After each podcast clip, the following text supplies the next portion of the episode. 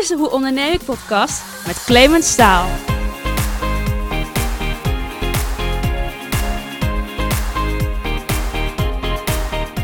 Ja, hallo ondernemende luisteraar en welkom bij deze Hoe Onderneem ik podcast. Of je nu ondernemer of ondernemend bent, deze podcast is volgens mij interessant voor jou.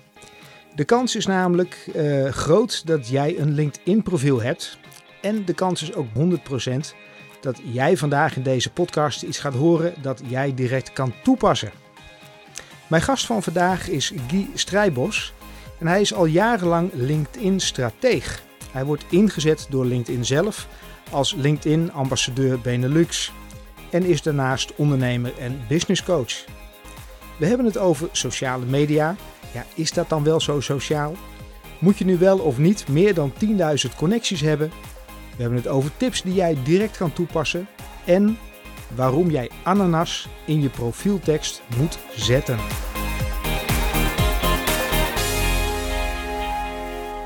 Hey fantastisch leuk dat je er bent in de Hoe Onderneem ik podcast.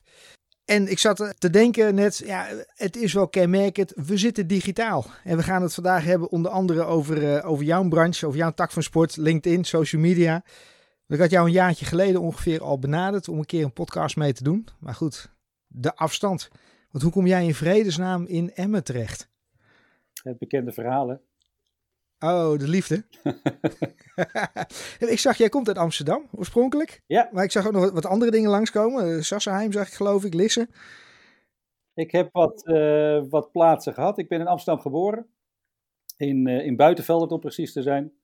Verhuisd uh, naar Lisse toen ik zeven was. begin 70 jaren. Mijn vader was docent, docent Frans. En hij kon daar een baan krijgen. Daar heb ik mijn jeugd doorgebracht. En vervolgens wat, wat rondgezworven.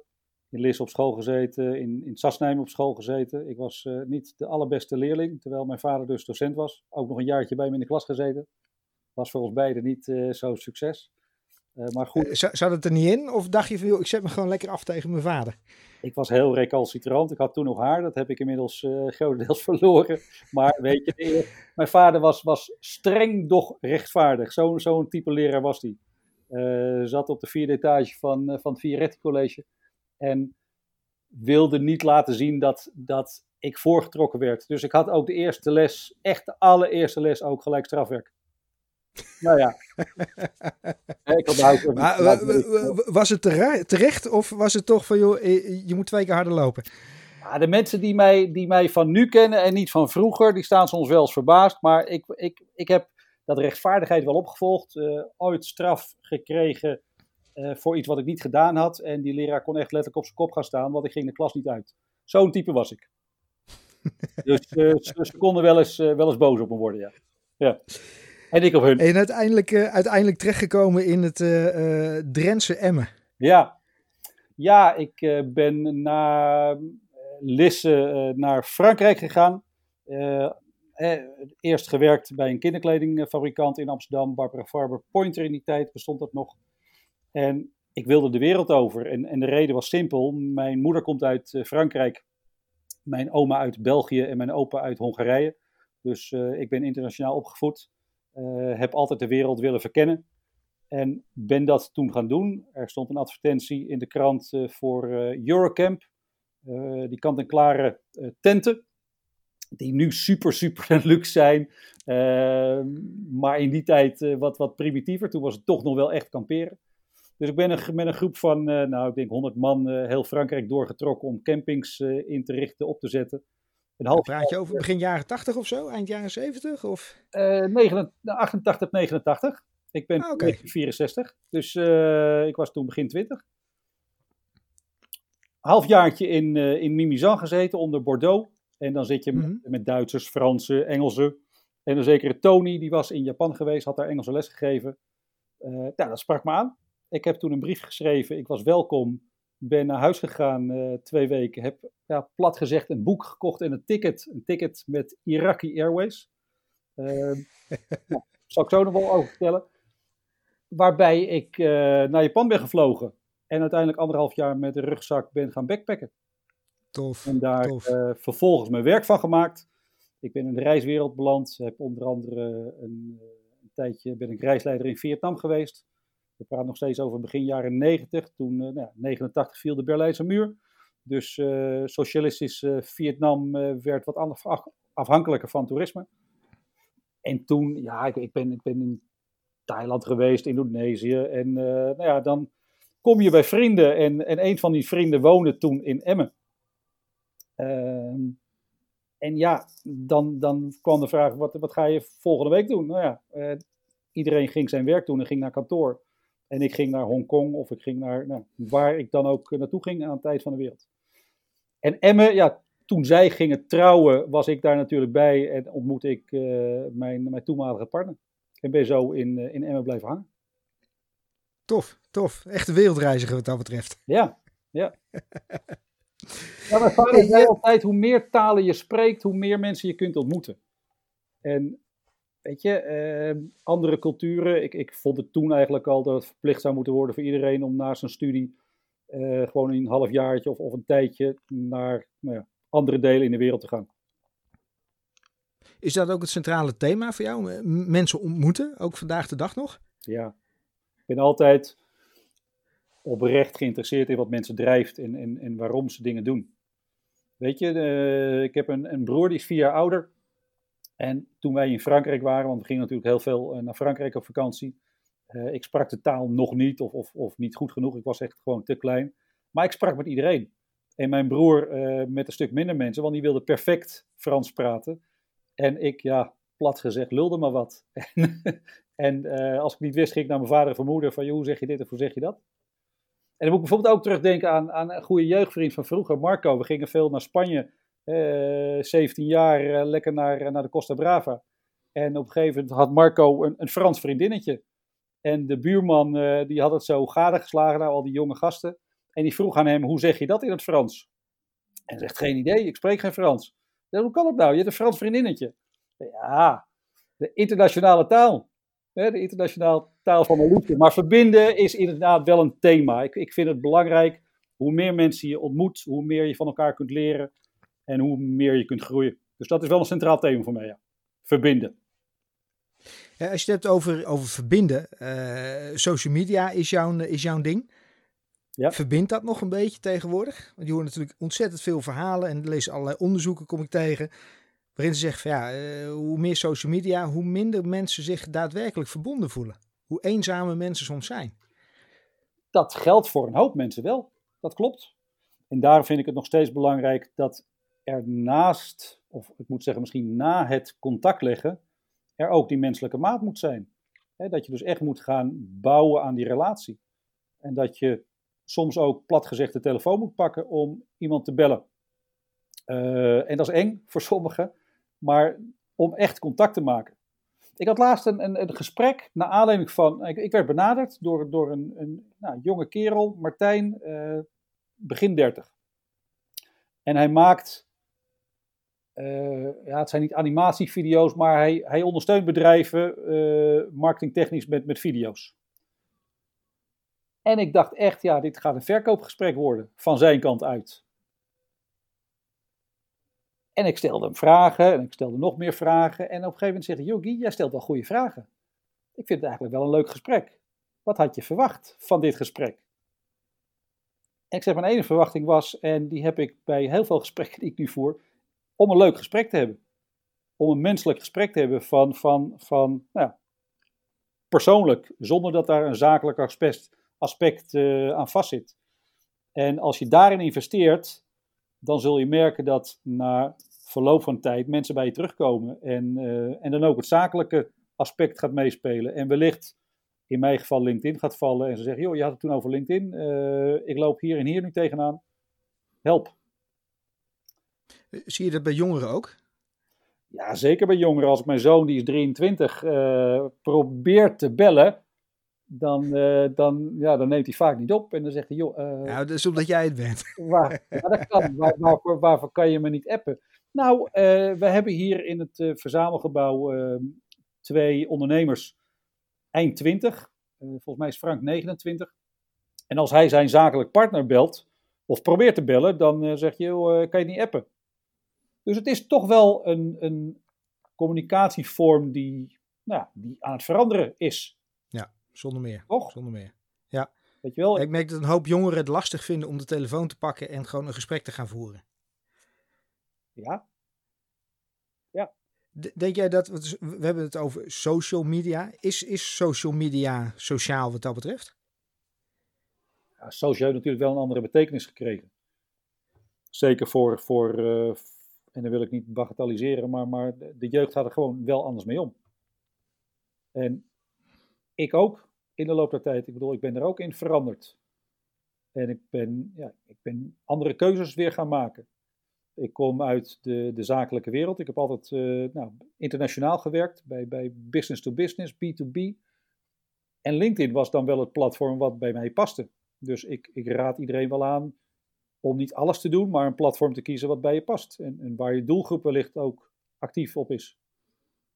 Ja, maar dat betekent dat je eigenlijk ook zegt dat dat hoeft niet specifiek LinkedIn te zijn. Dat zou ook Dat Instagram kunnen Ja. zijn of een ander platform. Ja, absoluut. Maar om te zenden of om ook te communiceren? Nou ja, dan, dan komt de volgende stap. 97 of, of 90 procent, zo, eh, nou in ieder geval 90 plus procent is, is, is ehm, aan het luisteren, aan het, aan het lurken zoals ze dat noemen. En neemt tot zich. En diezelfde Frank die ik net benoemde, die zei, joh, ik zie LinkedIn soms ook een beetje als een krant. Als ik een krant lees, dan ga ik ook niet reageren, want er is geen mogelijkheid om te reageren. Dus soms neem ik ook gewoon kennis tot me. Dus als je helemaal fanatiek bezig bent met het verzamelen van, van duimpjes en likes en, en, en interactie en die is er niet, denk dan niet dat je post niet succesvol is of, of hoeft te zijn. Het kan best enorm gelezen zijn, maar dat er gewoon geen reacties komen. Dat is het gewoon tot zich nemen. Tot, eh, voor kennis tot zich nemen. En- Ik zit even te denken, eh, is dat een beetje hetzelfde als, eh, je hebt die net promoter score bijvoorbeeld, waarbij je zegt, oké, de, de, de middenmoot zeg maar, die vindt het prima, maar dat is niet de actieve ambassadeur.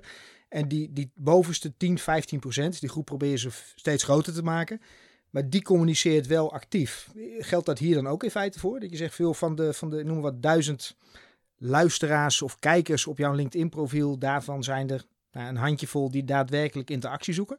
Ja. En dat is prima. Maar uiteindelijk zijn we anno 2020 allemaal journalist geworden. Of radiomaker. Of televisiemaker. Ja, of podcasten. Of podcaster. De techniek helpt ons zo Ja. enorm. En, en de, de huidige situatie heeft dat enorm versneld. Want eh, online, nou ja, online videobellen. Ja, in, in mijn tijd dat ik bij Schuller werkte, eh, in de jaren negentig, eh, was het dagelijks kost dat we met Zweden of, of Frankrijk of Spanje aan het videoconferentie bellen waren. Maar de hele coronasituatie heeft dat enorm versteld. Als ik naar mijn zus kijk die in het onderwijs zit, die, die eh, ja, van dag 1 op dag 2 moest eh, online. En, en alle studenten, scholieren die daarin meegingen. Dus de, de eh, COVID, corona heeft, heeft deze techniek wel in een, in een, boost gegeven. Eh, Zie je daar nog een bepaalde gap, een bepaald gat zitten tussen zeg maar ons generatie? Althans, jij bent dan zei je uit 64, Ja. ik uit 74. Ehm, ik, heb, ik heb studenten, aankomend ondernemers, die zijn een beetje rond de 20 jaar oud. Zit daar een groot verschil in, in beleving in jouw visie? Ja, absoluut. Er is, er is qua beleving altijd een, een, een verschil in, in, eh, in leeftijd.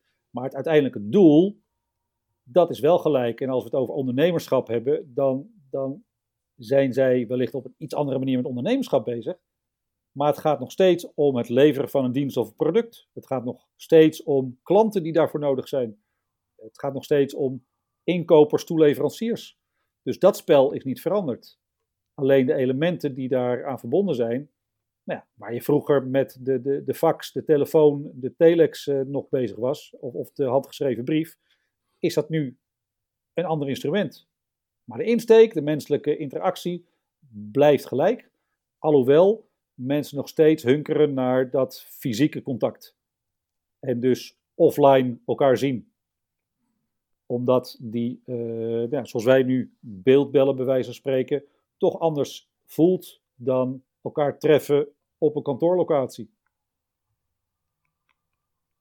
Eh, wat, ik me dan, wat ik me dan zit af te vragen is, want het, het, het verandert telkens. Ik bedoel, jaren terug kwam Facebook erbij. eh, LinkedIn is ergens in 2010, 2011 geloof ik ontstaan.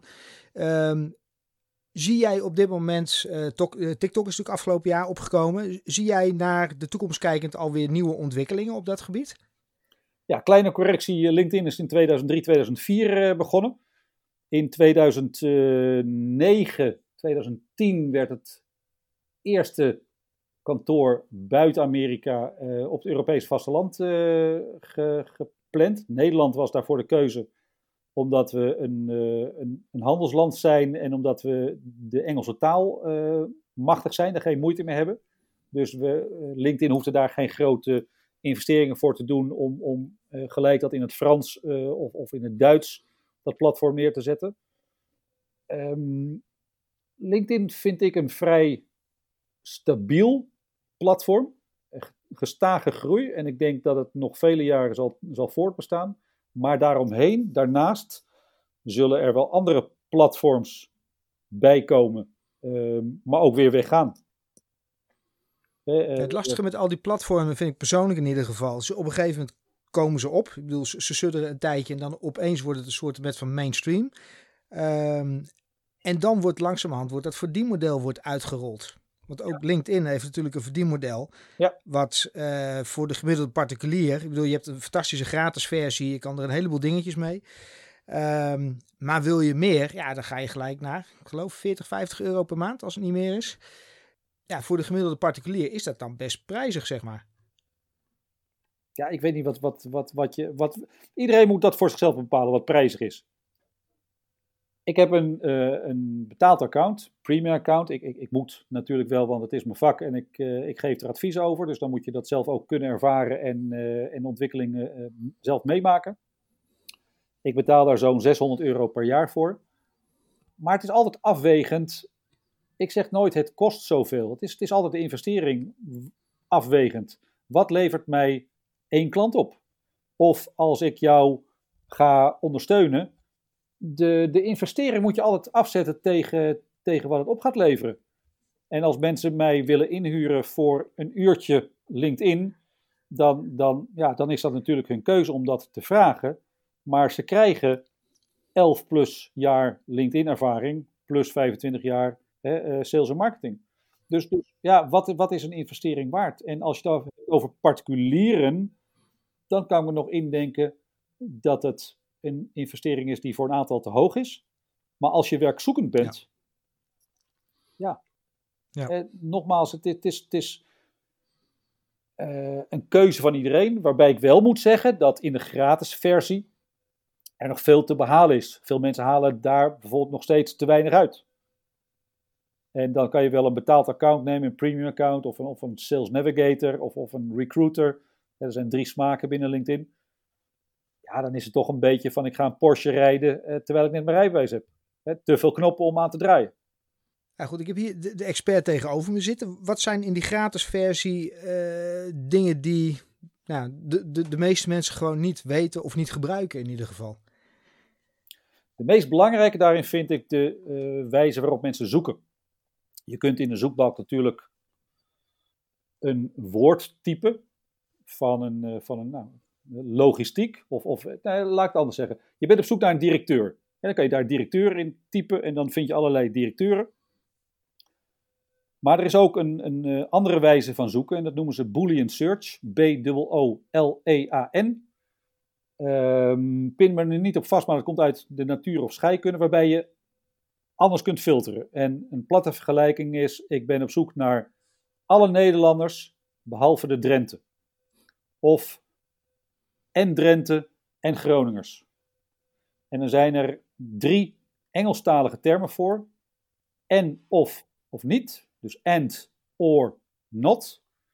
En als je dat in hoofdletters schrijft, dus A, N, D, O, R, N, O, T, tussen de twee zoekwoorden, dan ga je een groter resultaat behalen. En om even terug te komen op die directeur-versie. LinkedIn is natuurlijk internationaal.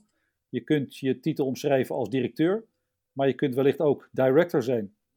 Of je kan directeur zijn of manager.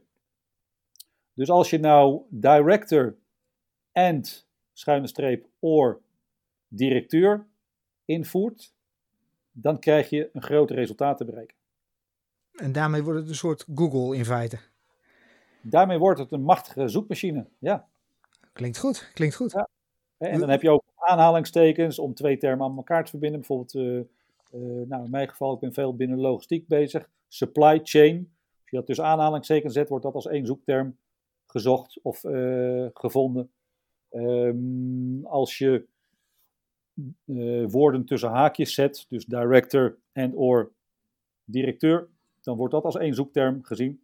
Dat vind ik een hele belangrijke, die in de gratis versie onbenut wordt.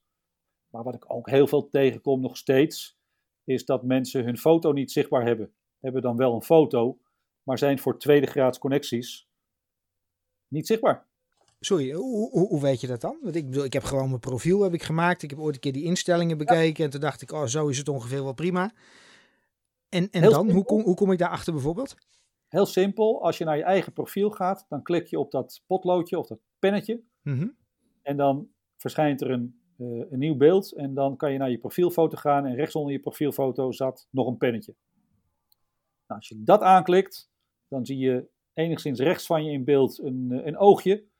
De zichtbaarheid van je profielfoto. En als je daarop klikt, dan zie je of je zichtbaar bent voor alleen je eerstgraads connecties. Dus als wij niet verbonden gelinkt zijn, zie ik jouw foto dus niet. Of voor heel je netwerk of publiekelijk. Dus ook buiten het netwerk van LinkedIn nog. Klinkt goed, klinkt goed. Oké, okay, dus hoe zoek je is de eerste tip. De tweede is die profielfoto, of die zichtbaar is. Ja, de achtergrondfoto is nog steeds een groot gemaakte fout. Dat is die, uh, die header bovenin, zeg maar, die grote. Ja, die, die blauwe sterrenhemel. ja. Ja, is wordt mooi, weinig gebruikt. Maar wordt weinig gebruikt en daar kan je een ondersteunende foto in kwijt. Maar wat wellicht nog scherper is, als je daar ook een, uh, wat we in de marketingtermen een zogenaamde call to action in verwerkt. Dus in mijn geval de hashtag LinkedIn by Guy, om bijvoorbeeld tips over LinkedIn te krijgen die ik daarin verwerkt heb. Maar er kan ook een telefoonnummer in staan. En daar hebben uh, sommige mensen dan weer een, een, wat ondersteuning voor nodig, een grafisch vormgever die zo'n plaatje kan, kan maken. Dus de grootste tip die ik altijd meegeef is: bekijk je profiel letterlijk met de bril op van je klant of je opdrachtgever. En dan bedoel ik ook ieder onderdeel van je profiel. Dus ik zeg tegen, tegen een hoop mensen wel eens, je weet niet wat je niet weet. En dat is natuurlijk vaak het lastige. Als je niet weet waar je naar gaat kijken, bijvoorbeeld naar zo'n profielfoto in je tweede, tweede graads, geen idee. Ik bedoel, wanneer word ik 's ochtends wakker en denk, nou, ik ga vandaag eens even kijken of dat zichtbaar is. Dus hoe, hoe, hoe kom je achter dat soort dingen? Door mensen te volgen die... Uh, door die jou te volgen. LinkedIn te zijn en die daar regelmatig over publiceren. Ja. Maar ook door jezelf gewoon kritisch te bevragen. En, en als we dat stukje achtergrondfoto oppakken en als je dat, dat bekijkt, wat, wat zie ik dan? Wat, wat, wat voor acties ga ik hieruit ondernemen? Of, of ga ik hier, nou, word ik hier niet koud of warm van? En tuurlijk uh, is iedereen, of heeft veel, hebben veel mensen last van, van vakblindheid. En zie je bepaalde dingen op een gegeven moment niet meer. Maar daarom is het altijd goed om, zeker als ondernemer, om iemand naast je of boven, of, of hè, in ieder geval ondersteunend te hebben als, als, als coach of als, als sparringspartner. Om af en toe eens kritisch je, nou ja, je ondernemer te laten scannen of, of over bepaalde onderwerpen met elkaar van gedachten te wisselen. En dan heb ik het een aantal weken terug, heb ik het uh, bij ons in de ondernemersopleiding gehad over LinkedIn. Joh, je moet een LinkedIn profiel hebben, bla bla bla. En dan krijg ik terug, ja, maar joh, onze klanten, onze generatie, voor mij, mm, ik heb een ander platform. En dan denk ik, ja, gevoelsmatig mis je gewoon iets als je geen LinkedIn profiel hebt en dat ook niet bijhoudt op de juiste manier. Wat is jouw ervaring op dat gebied? Een jaar of wat geleden kwam ik een, een jonge dame tegen, begin 20, uh, 29, die inderdaad op diezelfde vraag antwoordde: Joh, ik heb geen LinkedIn, maar mijn baas wel. En uh, dan heb ik op zich al wat moeite met het woord baas. Maar en ik vroeg van ja, maar waar sta je dan over een jaar of twee, drie als je misschien een andere baan zou zoeken? Als je dan pas begint met een LinkedIn-profiel op te bouwen, dan kost het natuurlijk nog veel meer tijd om daar een netwerk van te maken. En jouw persoonlijke merk uh, over de bühne te brengen. LinkedIn is, is een duursport, een marathon. Niet even van ik vul nu mijn profiel in omdat ik nu een baan nodig heb. Uh, de basis moet gewoon staan en LinkedIn is voor mij een persoonlijke website die altijd in ontwikkeling is. Dus dat is nogmaals bijhouden en uh, waar nodig aanpassingen doen om, uh, nou ja, om het actueel te houden en om jezelf ook actueel te houden. Nou is met name die jongere generaties heel erg met, met volgers en dergelijke bezig. Um, ja. Dan zie ik ook allerlei mensen langskomen op LinkedIn en allerlei foefjes op LinkedIn langskomen. Om vooral je uh, connecties uit te breiden. 10.000 man, 20.000 man. Uh, wordt allemaal geautomatiseerd. Ik, ik, op een gegeven moment kreeg ik een, kreeg ik een uitnodiging. Nee, laat ik het anders zeggen. Iemand keek bij mij op mijn, op mijn LinkedIn profiel. Want dat kan je dan natuurlijk zien. Ja. Um, vervolgens eh, op de een of andere manier had ik teruggereageerd. Viel, ik zeg dat je bent langs geweest en uh, joh, kennen we elkaar en kan ik wat voor je betekenen. Um, en dan kom je er uiteindelijk achter dat iemand dat dus geautomatiseerd heeft gedaan. Die gaat dus geautomatiseerd, gaan ze bij profielen langs via een of andere robot. En op het moment dat je daarop reageert, dan hebben ze beet, want dan kunnen ze hun netwerk vergroten. Ja, ik, ik weet niet, maar dat zou niet mijn manier van netwerken zijn. Hoe, hoe kijk jij daar tegenaan? Heeft dat zin? Voor die mensen wel, denken zij. Maar er zijn volgens mij twee stromingen. De ene stroom is zoveel mogelijk mensen te connecten. Met zoveel mogelijk mensen uh, bevriend te raken is misschien niet het goede woord, maar te connecten, te linken. Ja, die mensen zeggen ook, ik vergroot mijn publiek. Ik denk, ja, maar volgens mij ja. is sociale media betekent dat je interactie zoekt. Dat betekent niet dat je alleen maar gaat zenden, alsof ik een advertentiekrantje zit te lezen. Nee. Je kunt op LinkedIn maximaal 30.000 connecties, eerste graads connecties hebben. En je zou denken, wauw, groot publiek, ik heb een groot bereik. En dat klopt in eerste instantie. Alleen de grote fout die ze mijns inzien maken, is dat die 30.000 mensen ook terug gaan zenden. Kunnen zenden. En dan krijg je opeens te horen, ja, maar LinkedIn werkt niet. Nee, logisch, want je tijdlijn wordt vervuild. Je tijdlijn wordt gevuld met berichten van uh, zaken die niet jouw doelmarkt of jouw interesse uh, hebben. Dus ik heb nu ruim 7000 eerste graads connecties, wat belachelijk veel is voor sommige mensen. Maar ik heb er wel 11 jaar over gedaan. En ik ben me heel bewust bezig met wie ik wel of niet toelaat tot mijn netwerk. En soms gaan er ook wel eens wat mensen uit. Dus een groot netwerk hebben is mooi. Je hebt een groot bereik. Maar als je daar niet dagelijks mee bezig bent zoals ik, dan is het uh, uh, of job om, om het allemaal bij te houden. Dus de, de, de Let's Connect uh, generatie of acties, eh, daar geloof ik persoonlijk niet in. Je moet jezelf altijd afvragen, altijd, wat is mijn doel om op dit platform actief te zijn? En al die geautomatiseerde berichten zijn mooi. Het is overigens wel illegaal, want hè, LinkedIn staat dat niet toe, automatisering. Dus als ze erachter komen, dan uh, kan je wel eens een sanctie krijgen. Maar het, puur het feit van ik wil zoveel mogelijk mensen om me heen verzamelen om daarmee mijn bereik te vergroten, lijkt mooi, maar achteraf kom je er uh, nou, wat minder uit, uit, uit terug, denk ik. Je, zegt eigenlijk vervuiling op je, op je tijdlijn van al die, uh, nou ja, stel dat je de 30.000 hebt. Um, nou heb ik ook wel eens begrepen dat ook op andere social media platformen, uh, die zorgen ervoor dat je lang niet alles te zien krijgt.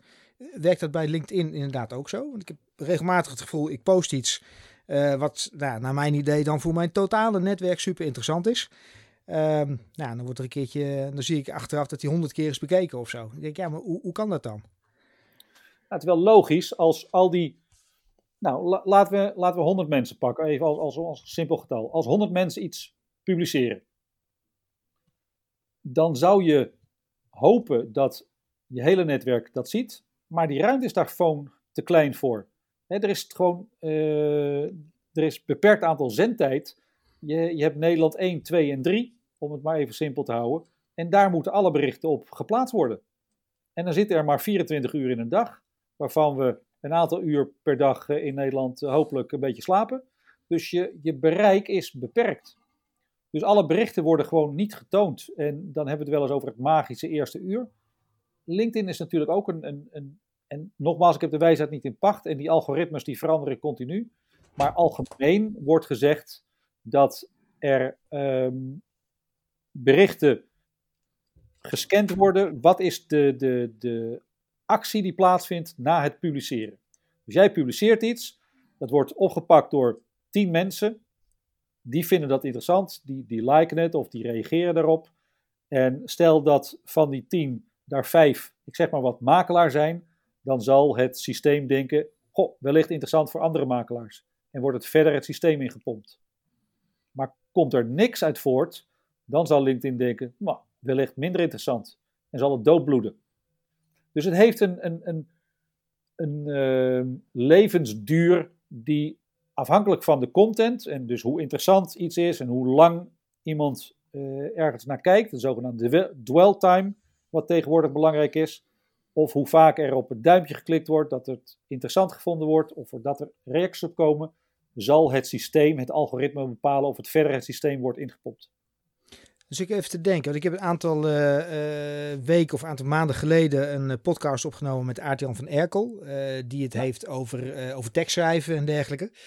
Ehm, die zegt ja, de teksten moeten bloeden. En dan zit ik me af te vragen in deze context met, met een, een post die ik dan plaats op LinkedIn. Op het moment dat die tekst bloedt, gaat die dan ja, viral? Wordt die meer gezien? Of, of heb je een andere tip waarvan je zegt van nee, maar als je dit of dit doet, dan, nou ja, dan heb je kans dat je het enigszins kan sturen. Ik vind het wel mooi, een tekst moet bloeden. Ik weet nog niet precies wat hij daarmee bedoelt, maar dat ga ik je zo vragen. Um, want je kan daar twee kanten mee op. Nou, wat, wat bedoelde hij met de tekst moet bloeden? mooie vraag, mooie vraag. Um, wat bedoelde hij daarmee? Oh, dan moet ik de podcast inderdaad ook even terughalen. Um, waar het uiteindelijk op neerkomt, is dat uh, um, het, het moet wat doen. Het moet emotie teweeg brengen, zo'n tekst. Ja. En het, moet, okay, uh, uh, het, het, mag ook, het mag ook afstoten. Ja. Dus je maakt heel duidelijk eigenlijk een selectie. Dit is voor mijn doelgroep. Daar richt ik me op. Daar is die tekst voor bedoeld. Die snapt wat ik met deze tekst bedoelt, bedoel. En um, ja, voor de rest zal ik ook een hoop mensen hiermee afstoten. Maar dat is prima, want het was toch al mijn doelgroep niet. Volgens mij gaat het een, een, een mooie verzameling tegeltjeswijsheid worden. Ik heb het altijd over neuzen. En okay. niet zozeer de neuzen moeten dezelfde kant op, uh, op gaan. Maar ik heb al vaak de uitspraak, als ik naar een schilderij kijk en de neus staat net iets schever dan ik, uh, dan ik zou verwachten. He, dat ik een fractie van een seconde langer blijf kijken naar dat schilderij. Dan heb je me te pakken. Dus uh, ja, misschien moet die neus ook nog bloeden. Dat zou ook nog kunnen. Je gaat op zoek naar de imperfectie eigenlijk van de schilderij. Ja, en, en, en ja, ik deel wat uh, Aart-Jan zegt. Uh, het, het hoeft niet iedereen te bevallen of, of je hoeft er niet mee eens te zijn. Juist ergens niet mee eens zijn of, of ergens over laten nadenken. Dat is wat je probeert te bereiken. En niet iedere klant is jouw klant, hè? Dus je hoeft niet iedereen te, te bevredigen en, en blij te maken. Uh, blijf vooral wie je bent en, en waar je voor staat. Waar ik wel fel tegenstander van ben, is dat mensen uh, felle discussies gaan voeren op de man of de vrouw. En waarbij uh, ja, met zwarte pieten gegooid wordt en, en, en, en, en scheldwoorden. En, maar ja, dat, daar, daar, hou ik me ver, daar hou ik me ver van. En dat, dat heeft totaal niets met sociale media te maken. Het lijkt ja, Ze zeggen natuurlijk wel eens een keer zacht op de mens, hard op de inhoud. Uh, en je ziet ja. af en toe discussies langskomen. En denk dat jij dat ook bedoelt.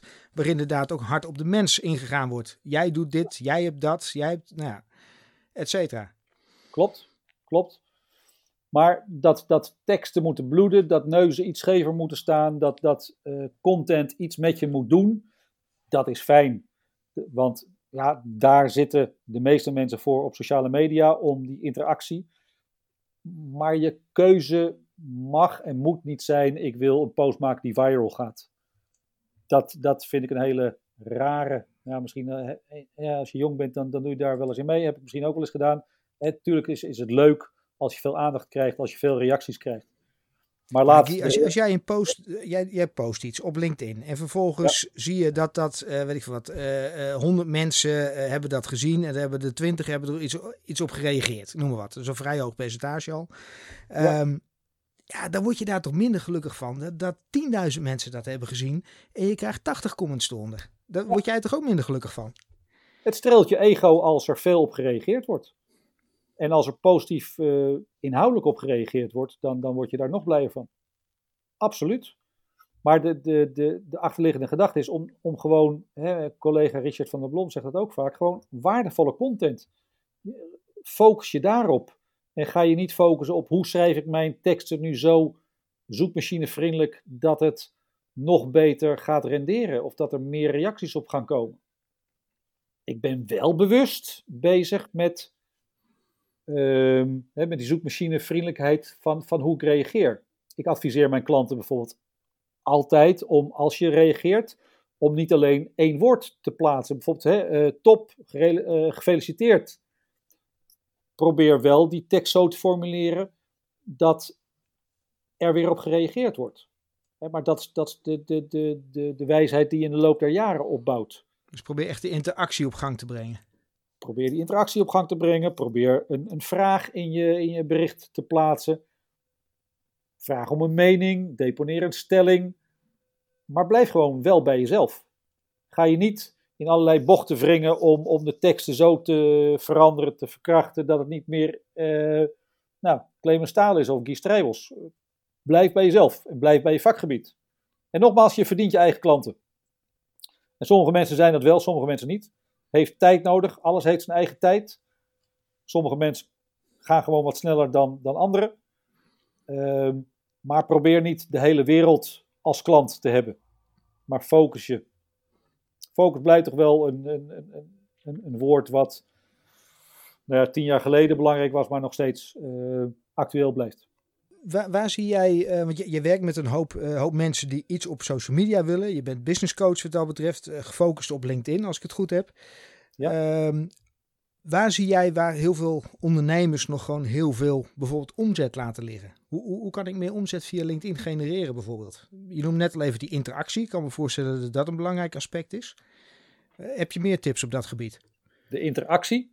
Ik heb ooit een bedrijf ondersteunt wat zich bezighoudt met veiligheidstrainingen. Mm Veiligheidstrainingen voor organisaties als Shell of, of GasUnie. En als je oude marketing, als ik het zo maar mag formuleren, oude marketing omschrijft, dan bedenkt de marketingafdeling een bericht. Ze schrijven het bericht, ze publiceren het bericht en vragen vervolgens aan de medewerkers om op het duimpje te klikken. Even heel gechargeerd, zwart-wit. Is, daar, is daar wat mis mee? Nou, mensen doen zaken met mensen, dus, dus dan wordt iets gepost door, door een bedrijf. En daar hebben mensen wat minder mee. En wat we daar gedaan hebben, een bedrijf met, met meerdere medewerkers en allemaal een eigen rol. De een is relatiebeheerder en gaat wel eens naar een klant toe uh, en neemt dan bijvoorbeeld een taart mee om de klant te bedanken dat ze al vijf jaar klant zijn. Nou, dat kan een bericht zijn wat ze publiceren. Menselijke maat wordt veel op gereageerd, wordt goed ontvangen. Iemand anders in de organisatie houdt zich bezig met de risico-inventarisatie, verzekeringstechnisch of financieel, en schrijft daar een bericht over. En wat je dan gaat creëren, en iemand anders gaat bijvoorbeeld weer over de, de inhoud, de techniek uh, praten. Wat je dan gaat krijgen is dat de medewerkers binnen een organisatie hun expertises laten zien. En dan draai je het om, wat ik veel doe, dingen omdraaien, waarbij de marketingafdeling dat dan weer verder gaat verspreiden. Maar de mensen zijn je ambassadeurs. En waar heel veel bedrijven het laten liggen, is dat de, de top, de, de directeur, de CEO, zelf te uh, weinig actief is en dus geen voorbeeld geeft aan medewerkers. Wel zeggen, ja, jullie moeten op sociale media, maar zelf, maar zelf niet doen. Ja, ja. Ja, dus wat ik ondertussen zit te denken, ik kan me ook goed voorstellen, op het moment dat je als bedrijf dan gaat communiceren, veel, we zijn zo blij met uh, Janssen BV, want die zijn vijf jaar klant en hier is een taart dan wordt het toch wat meer zenden eigenlijk, wat meer verkopen. Terwijl op het moment dat het meer vanuit de persoon is, dat het ja, gewoon leuk. Leuk, interessant. Als een mix is, Clemens, dan is het, dan is het goed. Ja, ja. Ik zie veel bedrijfspagina's waar alleen maar vacatures op staan. Mhm. En tuurlijk, het moet een balans zijn. Het, het moet een stukje nou, eh, menselijkheid eh, laten zien. Het moet een stukje vakinhoudelijk laten zien. Het moet uh, wellicht een, een, een, beurs zijn waar een bedrijf aan deelneemt. Het kan een uh, nieuwe ontwikkeling zijn, innovatie. Maar het kan ook een uitdaging, probleem van een klant zijn die ze hebben opgelost. als ik weer even in die, in die logistieke warehouse sector ga zitten, nou, een stukje veiligheid wat, wat, wat meespeelt. Nou, nieuwe ontwikkelingen waardoor, ik zeg maar even plat gezegd, een, een, een dak van een heftruck eerst van staal was en, en, en nu van, van gepantserd glas. Waardoor ze ook naar boven kunnen kijken door het dak heen. Of dat ze een bepaalde lamp hebben gemonteerd aan de achterzijde, zodat ze ook uh, de, de donkere hoeken achter hun uh, verlicht krijgen. Weet je wel, dat soort ontwikkelingen. Ja. Of, uh, nou, hier in Emmen zijn behoorlijk wat technische ontwikkelingen gedaan. Ehm, van, van, van nou, we zitten hier met name in, in de kunststofverwerkende industrie en plastics. Ehm, bruggen die van nieuwe composietmaterialen zijn, zijn gebouwd mensen zijn vaak te, te, ja, te bescheiden misschien om hun uh, kennis en kunnen te delen. Of, of zijn misschien bang dat ze, dat ze denken, goh, dan gaat de, de concurrent, als we die termen nog uh, bij sommige mensen heersen, er mee vandoor. Je zegt als sommige mensen dat die termen, als dat nog heerst, maar eh, je hebt toch nog steeds gewoon concurrenten? Ik bedoel, als ze bij een ander kopen, kopen ze niet bij jou. Dus waarom zou je concurrent, zou je, uh, ja, meer informatie verstrekken. Het, het, woord concurrent bestaat nog steeds, ben ik met je eens, maar het is maar na, voor mij, hoe ga je ermee om? Weet je wel, ik ben niet de enige persoon in Nederland die LinkedIn trainingen geeft. Maar mensen komen bij mij omdat ze mijn manier van werken aanspreekt. Of omdat mijn internationale achtergrond ze aanspreekt. Of dat ik uh, uh, veel binnen advocatuur en, en, en financiële dienstverlening uh, training heb mogen verzorgen. Dus concurrenten ja, maar uh, ga vooral uit, het plat gezegd, van je eigen kracht. Hey, ik zie op jouw, uh, op jouw profiel staan, uh, jij helpt professionals zichtbaar maken voor andere professionals. Dat vond ik een mooie, mooie omschrijving. Dankjewel. Wat maakt dat jij s ochtends je bed uitkomt en denkt, ik ga, ik ga andere professionals ga ik zichtbaar maken? Wat, wat drijft jou überhaupt in datgene wat je doet? Nou ja, we hebben het in de, in de intro al gehad over het verbinden. Mhm. Mijn vader was docent, docent Frans, dus kennisoverdracht is me niet vreemd. Dus dat vind ik altijd leuk om te doen. Mijn internationale achtergrond met uh, Franse moeder, Belgische oma, Hongaarse opa. Dus het verbinden zit in mijn DNA.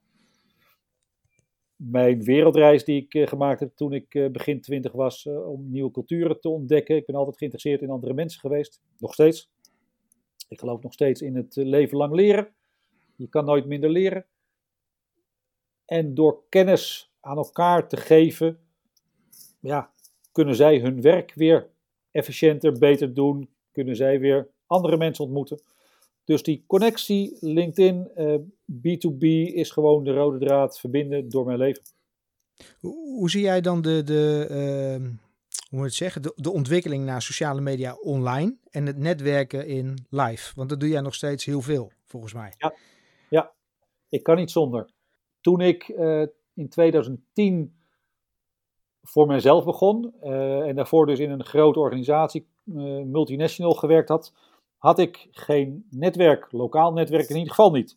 Dus ik ben hier lokaal gaan, gaan netwerken en dat, dat sprak me wel aan. Maar de wijze waarop men netwerkt is voor iedereen verschillend. En dat online, offline gecombineerd is voor mij wel de manier waarop het voor mij werkt. Het is mooi om elkaar via de telefoon, uh, online te spreken.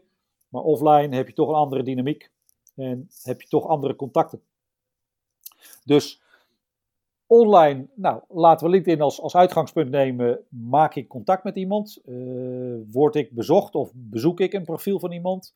Komen we met elkaar in gesprek? Gaan we met elkaar linken? En dan begint de relatie. En ik geloof niet in de uitnodiging waarin staat: misschien kunnen wij wel wat voor elkaar betekenen. Dat vind ik te vaag, te ver in de toekomst en niet resultaatgericht. En ik ben wat dat betreft wel resultaatgericht. Ik wil wel weten waarom je mij wilt uitnodigen. En als je mij wat wilt verkopen, ook goed. Uh, laat me weten en dan zal ik je zeggen of ik er wel of geen behoefte aan heb. Of misschien nu nog geen behoefte aan heb. En dat betekent dat jij altijd een uitnodiging, ook als je hem stuurt, altijd voorziet van een berichtje? Ja, ook al hebben we elkaar tien minuten geleden ontmoet op een netwerkbijeenkomst. En de reden daarvoor is dat ik in de toekomst, als ik over een jaar terugkijk naar jouw uh, profiel en ik, we hebben geen uh, of niet veel contact meer gehad, dat ik altijd kan teruglezen hier hebben we elkaar ontmoet, dit was het gesprek of zoiets. Dus de aanleiding van onze connectie. Dus het niet alleen gewoon slim om dat te doen, omdat het uh, daarmee bij de ander beter binnenkomt, maar ook voor jezelf om gewoon een reminder te hebben, een kapstokje. Hoe hebben we elkaar ook weer ontmoet en uh, wat is de reden van de connectie?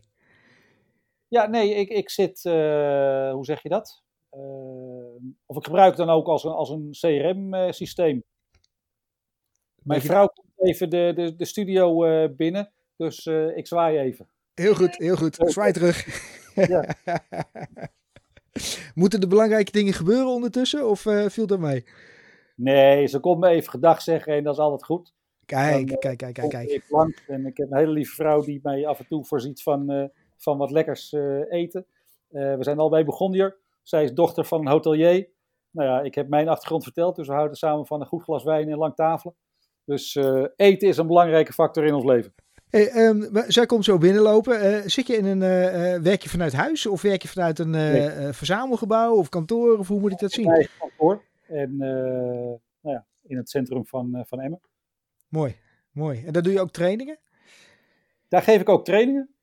We hebben hier een, een ruimte voor 15 mensen ehm, op anderhalve meter afstand ingericht. Dus we kunnen hier nog met een redelijk grote groep ja, afhankelijk van wat er allemaal gaat komen, uh, trainingen verzorgen. Oké, stel nou dat ik zeg, veel, uh, ik hoor deze podcast en ik, uh, nou, ik heb wel behoefte aan wat extra ondersteuning. Kan ik dan zo bij jou een training volgen of hoe, hoe werkt dat? Iedereen kan natuurlijk bij mij een training volgen. Kost wel wat. Oké, okay. dat klinkt opeens als een gesponsord stukje. Dat is het niet trouwens, maar oké. Okay. Nee, nee, nee, nee, geen enkel probleem. Nee, uh, ik geef met name in company trainingen. Mm -hmm. Waarbij ik team van met name sales en marketing professionals ondersteunen. Waarbij je hebben een sales en marketing directeur vraagt van joh, ik wil dat mijn team geschoold wordt. Mm -hmm. En dat uh, is ooit begonnen als een dagdeeltraining. En dat zijn nu trajecten geworden van, uh, nou, van, van, van meerdere bijeenkomsten, trainingen, sessies. Waarbij ik ze voor langere tijd ondersteun. Ik geloof namelijk niet dat een boost van, van één dagdeel je het resultaat op gaat leveren. Dat vind ik zonde van, van de investering of van het geld wat je aan mij betaalt dan. Dus ik begeleid ze nu voor langere tijd. En waar bestaat die begeleiding dan uit? Want we hebben net een aantal tips uh, langs horen komen die je verteld hebt. Uh, dat is super waardevol. Ik bedoel, zijn er dan nog meer van dat soort tips? Of waar bestaat die begeleiding uit? Tips zijn er veel en veel meer. Maar wat we op zo'n moment gaan doen, is actief aan de slag. Dus ik geloof in het doen. Iedereen heeft dan zijn eigen laptop bij zich. En we gaan de persoonlijke profielen um, bij langs. Dus alle invulvelden worden kritisch bekeken. En wat er dan ontstaat is een stukje bewustwording. Mensen hebben nooit zo gekeken naar hun profiel en zien dan de mogelijkheden. En zien dan bijvoorbeeld dat ze eh, nog geen website hebben ingevuld of alleen de homepage. En nu bijvoorbeeld zien dat ze drie websitepagina's kunnen invullen. Nou, dat soort zaken worden bekeken. Wie heeft je profiel bekeken? Er, is een veelvoud aan, aan zaken die je met LinkedIn kunt uh, bespreken. Ik, maar ik zag trouwens, sorry dat je onderbreek, maar ik zag een stukje uh, op jouw profiel langskomen waarin je zegt, schrijf ananas in je berichtje aan mij. Ik denk, hoe verzin je het? Hoe verzin ik het? Nou, het is niet zelf verzonnen. Ik heb het okay. uh, prima gejat. Ik ben even de naam kwijt. Maar ik, ik kwam ooit een profiel tegen. En ik heb dat, uh, schrijf ananas, heb ik in mijn, in mijn samenvatting, of wat nu info verbouwd heet, gezet omdat ik op die manier zeker weet dat je mijn profiel gelezen hebt. En sommige mensen nodigen je uit en die uh, sturen de standaard uitnodiging. Uh, maar als iemand, uh, en dat komt niet vaak voor, maar dus wel leuk dat je het benoemt. Als, als iemand het, het geheime fruit heeft gevonden, dan. nou, scoort hij een plusje. dan scoort hij een plusje, maar dan heb je ook al gelijk een ander gesprek. Ja. dus de menselijke maat eh, laat ook zien wat je buiten je zakelijke wereld uh, allemaal doet. Ik ben bijvoorbeeld uh, ooit uh, actief geweest ehm, bij de basketbalvereniging hier in, in Emmen. ik ben momenteel bestuurslid voor een inloophuis. Een, een huis voor mensen die iets met kanker hebben. Nou, daar heb ik mijn persoonlijke redenen voor. Dus iedereen heeft wel iets persoonlijks te vertellen. En vroeger ging je naar een kantoor als vertegenwoordiger of als verkoper en dan, dan keek je rond naar wat er allemaal stond en uh, dan had je een kapstokje om over te praten. Nou, dat kan je met LinkedIn natuurlijk net zo goed. Dus laat nogmaals die menselijke maat en die menselijke kant wat vaker zien. Ja, ja. Ja, wat mij ook opviel, ehm, of wat me vaak opvalt wat er niet in staat, laat ik het zo zeggen. En dat heb jij gelukkig wel erin staan. Kan ook niet anders natuurlijk. Is gewoon heel duidelijk je mailadres, je contactgegevens, je telefoonnummer. Omdat ik denk, ja, als je dan zo'n profiel hebt en je wil graag in contact komen met potentiële klanten, met je netwerk, et cetera. Waarom moet je dan zo zoeken naar die contactgegevens? Je noemde net al even, je hebt die drie eh, mogelijkheden voor website en dergelijke erin te zetten. Uh, dat wordt heel vaak wordt dat niet gebruikt. En of dat ja, onbekend is of wat dan ook. Maar ik denk, ja, waarom zet je dat er niet in? Wil je niet in contact komen dan? Onwetendheid is een, uh, is een belangrijke factor erin. Mensen weten het echt gewoon niet. Denken, mijn contactgegevens zijn toch ingevuld. Maar weten dan niet wat de ander ziet. En als ik niet met jou gelinkt ben, dus uh, als ik tweede graad of derde graads connectie met jou ben, dan zie ik die contactgegevens ook niet. En daarom adviseer ik altijd om de algemene contactgegevens. Hè. Je moet voorzichtig zijn met uh, eh, 06-nummers. Uh, eh, om, nou, dat wil niet iedereen verspreiden.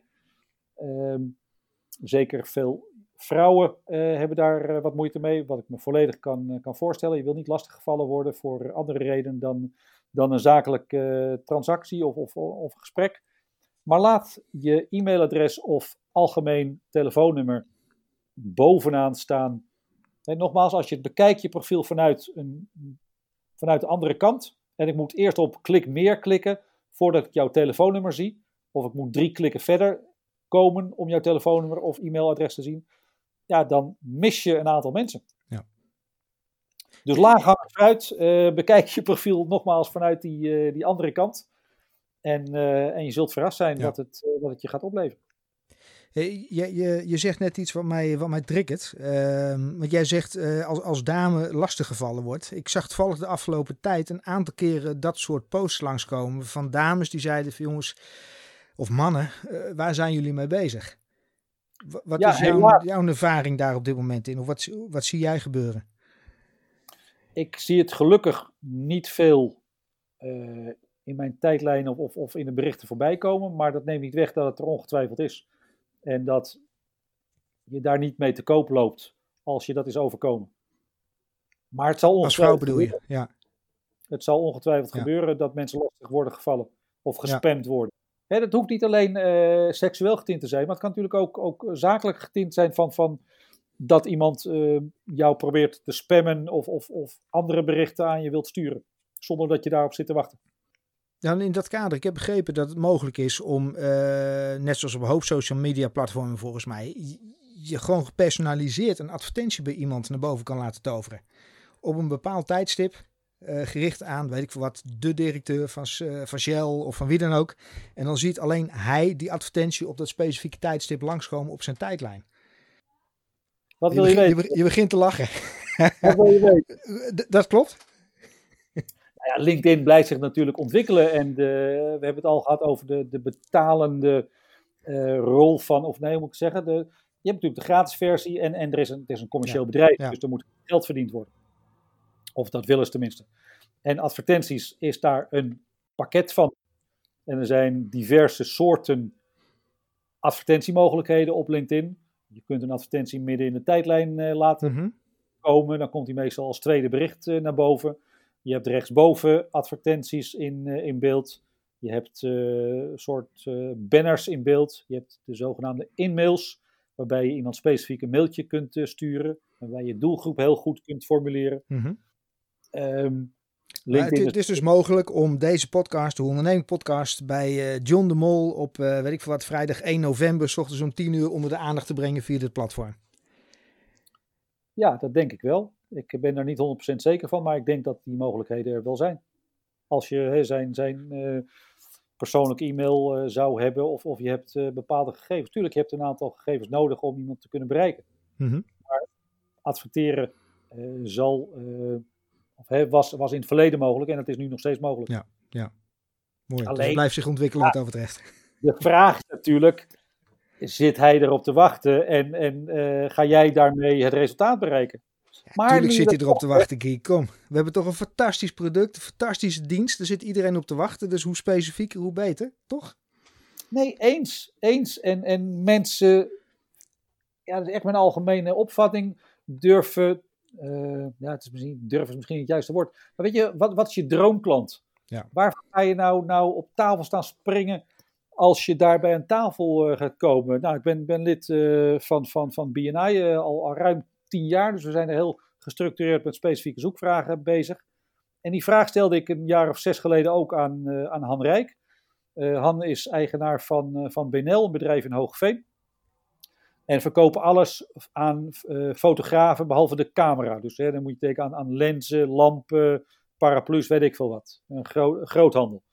En hij zei, ah Guy, jij altijd met, met, met die specifieke zoekvraag. Maar uiteindelijk kwam hij wel met, uh, met bol.com. En hij vroeg die ochtend een ingang bij bol.com. En verrek, twee mensen op directieniveau hadden een ingang bij bol.com. Nou, hoe mooi is dat? Had hij het niet gevraagd, had hij het ook nooit, uh, was hij er nooit binnengekomen. Ja. En nu is het een van zijn grootste klanten geworden. Dus, dus mensen durven te dromen. Ja, ik denk dat LinkedIn daar, wat mij betreft, ook volgens mij veel te weinig voor wordt gebruikt. Om gewoon heel specifiek een, uh, een shortlist te maken van mensen die je graag een keer zou willen spreken of zou willen targeten. Um, en dan vervolgens aan de hand van LinkedIn, want je kan natuurlijk kijken van ja, hoe, hoeveel connecties zitten daar nog tussen, hoe word ik daar uitgenodigd, daar een fatsoenlijk verhaal omheen hebben, wat dan de reden is dat ze in contact willen komen. En niet alleen maar, ik wil je wat verkopen. Um, maar volgens mij wordt er veel, veel te weinig contact of uh, veel te weinig uh, uh, mee gedaan. Vroeger werd er veel gekeken, nou oké, okay, jij bent verbonden, gelinkt met de persoon met wie ik graag aan tafel zou willen komen. Ja. En dan zou ik jou hebben gevraagd, joh Clemens, zou je me kunnen introduceren? Mm -hmm. Dat heb ik ook veelvuldig gedaan. Ik denk daar nu anders over, want ik denk nu dat ik je daarmee een stukje huiswerk meegeef. Hè? Uh, maar misschien ken je de persoon ook helemaal niet. Dus de vraag die ik nu stel is: wat is je relatie met die persoon? Ja. Dan kom ik er heel snel achter wat de relatie is. Stel je hebt iemand ooit uh, ge geconnect, mm -hmm. maar weet totaal niet wie het is, nou, dan gaat het niks worden. Maar stel dat het een jeugdvriend van je is, of, of je kent hem gewoon heel erg goed dan uh, kan ik je vragen, joh, hoe zou je me, hoe zou je me introduceren? Of wat, wat eh, uh, zou ik contact met hem mogen opnemen? Nou, dan ga ik zelf het initiatief nemen en vertel dat jij me hebt aanbevolen of zo, of dat je het goed vindt. En wat ik vaak tegenkom als ik bij een klant zit, dan heb ik altijd twee zoekvragen bij me. En heb ik op die afspraak die ik dan uh, op dat moment heb, soms ook nog een tweede of een derde afspraak erbij. En wordt soms tijdens dat gesprek iemand gebeld van, joh, ik zit hier met, uh, met Guy, we hebben het over LinkedIn, uh, daar had jij het van de week over, moet je echt eens mee in contact komen. Dus durf te vragen, dat is ook zeker een, uh, ja. een advies. Mooi, mooi. Ja, ik, ik, merk in, binnen LinkedIn dat je nog wel eens een keer de vraag krijgt, joh, kan je me connecten met die en die? Nou, met name vanuit de BNI-hoedanigheid was het in het verleden ook zo. En dat de ander dan totaal niets informatie meegeeft of zo, wat dan de reden zou moeten zijn dat jij je gaat inspannen om die connectie tot stand te brengen. Dat, dat is natuurlijk wel lastig, want dan ga je inderdaad de ander verkopen. Uh, terwijl dat je eigenlijk inhoudelijk niet precies weet waar het dan over zou moeten gaan, die afspraak. Dus die waarom is super belangrijk. Absoluut. Uh, een stukje terugkoppeling van wat kan ik voor je betekenen. Ja. En elkaar uh, nou ja, trainen om. om weet je wel, als, als, als ik hovenier ben, dan, dan kijk ik naar andere dingen dan dat ik binnen met de ICT bezig ben. Of dat ik een schoonmaakbedrijf heb, of dat ik advocaat ben. Maar weet je wel, als je je netwerk open wilt stellen en elkaars uh, netwerk wilt, wilt vergroten, dan, dan moet je wel met elkaar in gesprek. Ja. En dan moet het zo zijn, kun je me introduceren bij. Ja. Dus LinkedIn is een machtig mooi netwerk van professionals die uh, met elkaar verbonden zijn en waar heel veel zakelijke mogelijkheden in, in zitten. Maar ga er op de juiste manier wel mee om. Hebben we een onderwerp nog niet, uh, nog niet aangehaald wat jij uh, ter sprake zou willen brengen in deze podcast? Nou, één ding wat ik uh, in de afgelopen periode minder heb gedaan, maar wat ik in het verleden wel eens gedaan heb, is om met vijf personen een gesprek te hebben. Mensen met wie ik net geconnect was, die heb ik benaderd via telefoon of mail. Van sta je open voor een persoonlijke kennismaking? Om gewoon de verdieping aan te gaan met als één regel, ik wil niet die verkoper zijn. Dus echt een persoonlijke kennismaking. Ik had die afspraken strak achter elkaar gepland. Ik had er ook de regie in. Vroeg aan jou van, joh Clemens, volgende week maandag, 9 uur, schik je dat? 15 minuten, kort maar krachtig. Ik ga niet met jou afspreken in een, op, op een locatie en na 15 minuten zeggen: joh, Clemens, sorry, maar er gaat niks worden. Dat kun je telefonisch wel doen. En wat gebeurt er? Mensen praten graag over zichzelf. Dus ik vroeg dan, hè, nou, vertel eens, wie ben je, waar kom je vandaan? En uh, na een minuut of tien, negen, elf kwam dan de vraag, Engie, wat doe jij dan? Nou, ik had van tevoren wel een, zin in gedachten. Uh, nou, ik ben Guy Strijbels, hou me bezig met communicatie online uh, en LinkedIn is mijn vakgebied. En dan waren die 15 minuten ook alweer bijna voorbij. Dan had ik er nog een kwartiertje speling in zitten. Half tien had ik dan mijn volgende afspraak. Maar er waren hele persoonlijke gesprekken. En uh, nou, ik heb je verteld dat ik bestuurslid ben van een inloophuis met kanker. Er was iemand die, die gaf aan dat hij genezen was van kanker. iemand die ik nog niet eerder gesproken had. En, en nou, misschien geeft dat wel een beetje uh, aan hoe ik in mijn gesprekken ben. En, en heel oprecht en persoonlijk en, en, en nieuwsgierig. Dat we dat soort onderwerpen kunnen aansnijden. Maar dat zorgt er wel voor dat we aan het begin van onze connectie een zeer verdiepende, waardevolle begin van een relatie hadden opgezet. Had ik nooit bereikt als ik met jou gelinkt was en gelijk over zaken was begonnen. En wat speelde er nu? We hadden dit gesprek gehad en een week of vier, vijf, zes later hadden we opnieuw contact. Omdat LinkedIn dan, of omdat zijn vakgebied advocatuur dan ter sprake kwam. Dus ga vooral investeren in. En bij sommige mensen had ik het zoiets van: Nou, dit is zo interessant, ik moet jou ook langer gaan spreken. Dus we gaan gewoon sowieso afspreken. En in deze tijd misschien via Zoom of Teams of, of online. In vroegere tijden hadden we dat dan persoonlijk gedaan. Ja. Dus ga proberen om waarde toe te voegen, om je netwerk waardevol te houden, te maken en, en te onderhouden. Interessant wat je zegt, om, om, eerst interesse te tonen in die ander. Je zegt veel, het is ongeveer 15 minuten en vaak om na een minuut of 10 dan zeg maar de vraag andersom. Dan heeft die ander al 10 minuten over zichzelf gesproken. En dat betekent dat jij goede vragen hebt gesteld. Ja, en waarbij ik al heel veel informatie heb ontvangen die ik in. En joh, ik ben ook ondernemer, dus, dus ik, ik, ik heb wel een aantal mensen uitgekozen waarvan ik denk, nou, daarmee zou mogelijk wel iets kunnen ontstaan. Of ik heb iets gelezen in een profiel waarvoor ik, waardoor ik werd aangesproken. Ja. Uh, en het kan ook uh, bijvoorbeeld uh, nou, basketbal zijn als hobby of zo, om een voorbeeld te noemen. Dus om gericht en strategisch ook die keuzes te maken om je netwerk te verbreden, te vergroten. Maar daar zaten ook mensen bij waar, waarbij ik oprecht geïnteresseerd was van wat ze deden. en een bepaalde functie hadden, in, in, bijvoorbeeld als, als marketeer bij, bij nou, ABN AMRO of KLM of dat soort bedrijven. Die ik eens een keer gesproken heb van, joh, hoe ziet je dag eruit? Waar hou je mee bezig? Wat zijn je, wat zijn je uitdagingen? Wat zijn je problemen? Om er zelf ook van te leren. Super interessant. Super interessant. Ja. Weet je, LinkedIn is, is niet alleen maar een, een, een netwerk van, van, van vriendjes verzamelen en, en verkopen. het is een ja. mooi zakelijk platform. acht, acht, meer dan 8 miljoen profielen 85% van de Nederlandse beroepsbevolking uh, heeft een profiel, nog niet actief. En ik heb uh, vorige week een, uh, een, een poll gedaan, een onderzoek waarbij ik gekeken heb naar de leeftijd van ja, de LinkedIn. Die zag ik langskomen en ik ben geïnteresseerd in wat daar op dit moment dan de, zeg maar de uitkomst van is. Um, want je had ze opgedeeld in verschillende, verschillende leeftijdscategorieën. En hoe, hoe ontwikkelt zich dat? Nou, de, de post is uh, ruim 30.000 keer bekeken, 2500 keer op gestemd. En mijn uh, onderbuikgevoel kwam toch wel een beetje uit dat de leeftijd die op een uh, website van een Nederlands reclamebureau stond, 20 tot 40, dat dat de grootste groep zou zijn, niet helemaal waarheid was. Ik kreeg er als tegenreactie op van, ja, maar jouw netwerk zal wellicht wat ouder zijn, want je bevraagt je eigen netwerk.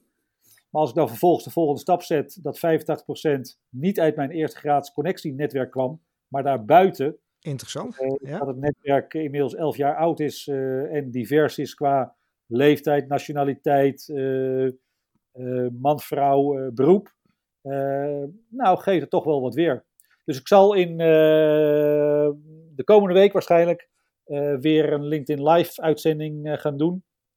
Dat is ook nog niet zo lang uitgerold. Maar waarbij ik dieper in ga op de, nou, op de reacties, eh, op de leeftijdscategorieën. En daar komt ook weer een verdieping uit voort voor de 50-plus leeftijd. Die ga ik weer onder diverse groepen uitsplitsen. Um, Dus ja, dat was een interessant onderzoek om te doen. Klinkt goed. Ik ben benieuwd. Ik ben benieuwd naar de uitslag uh, wat dat betreft. Wat de percentages uiteindelijk zijn geworden. Ga ik je laten weten. Mooi, mooi. Ik ga jou uh, bedanken, Guy, voor, uh, voor dit mooie gesprek. Volgens mij kunnen we nog, nog wel een uurtje vullen, maar we zitten aan het, aan het einde van deze podcasttijd.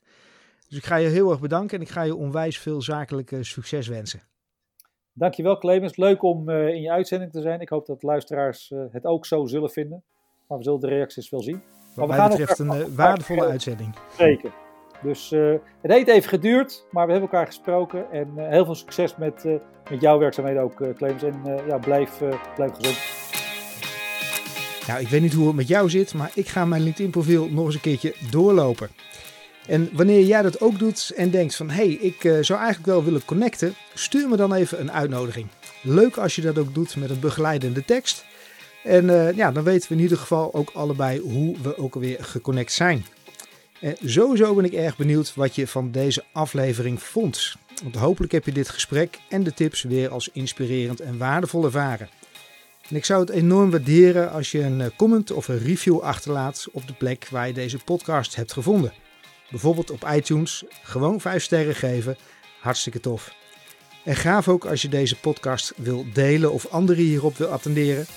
Ja, wil jij er geen eentje missen? Klik dan even op abonneren of op volgen. Wil je in contact komen? Dan kan dat via de bekende kanalen zoals LinkedIn of via info.hoeondernemik.nl. Tot de volgende keer.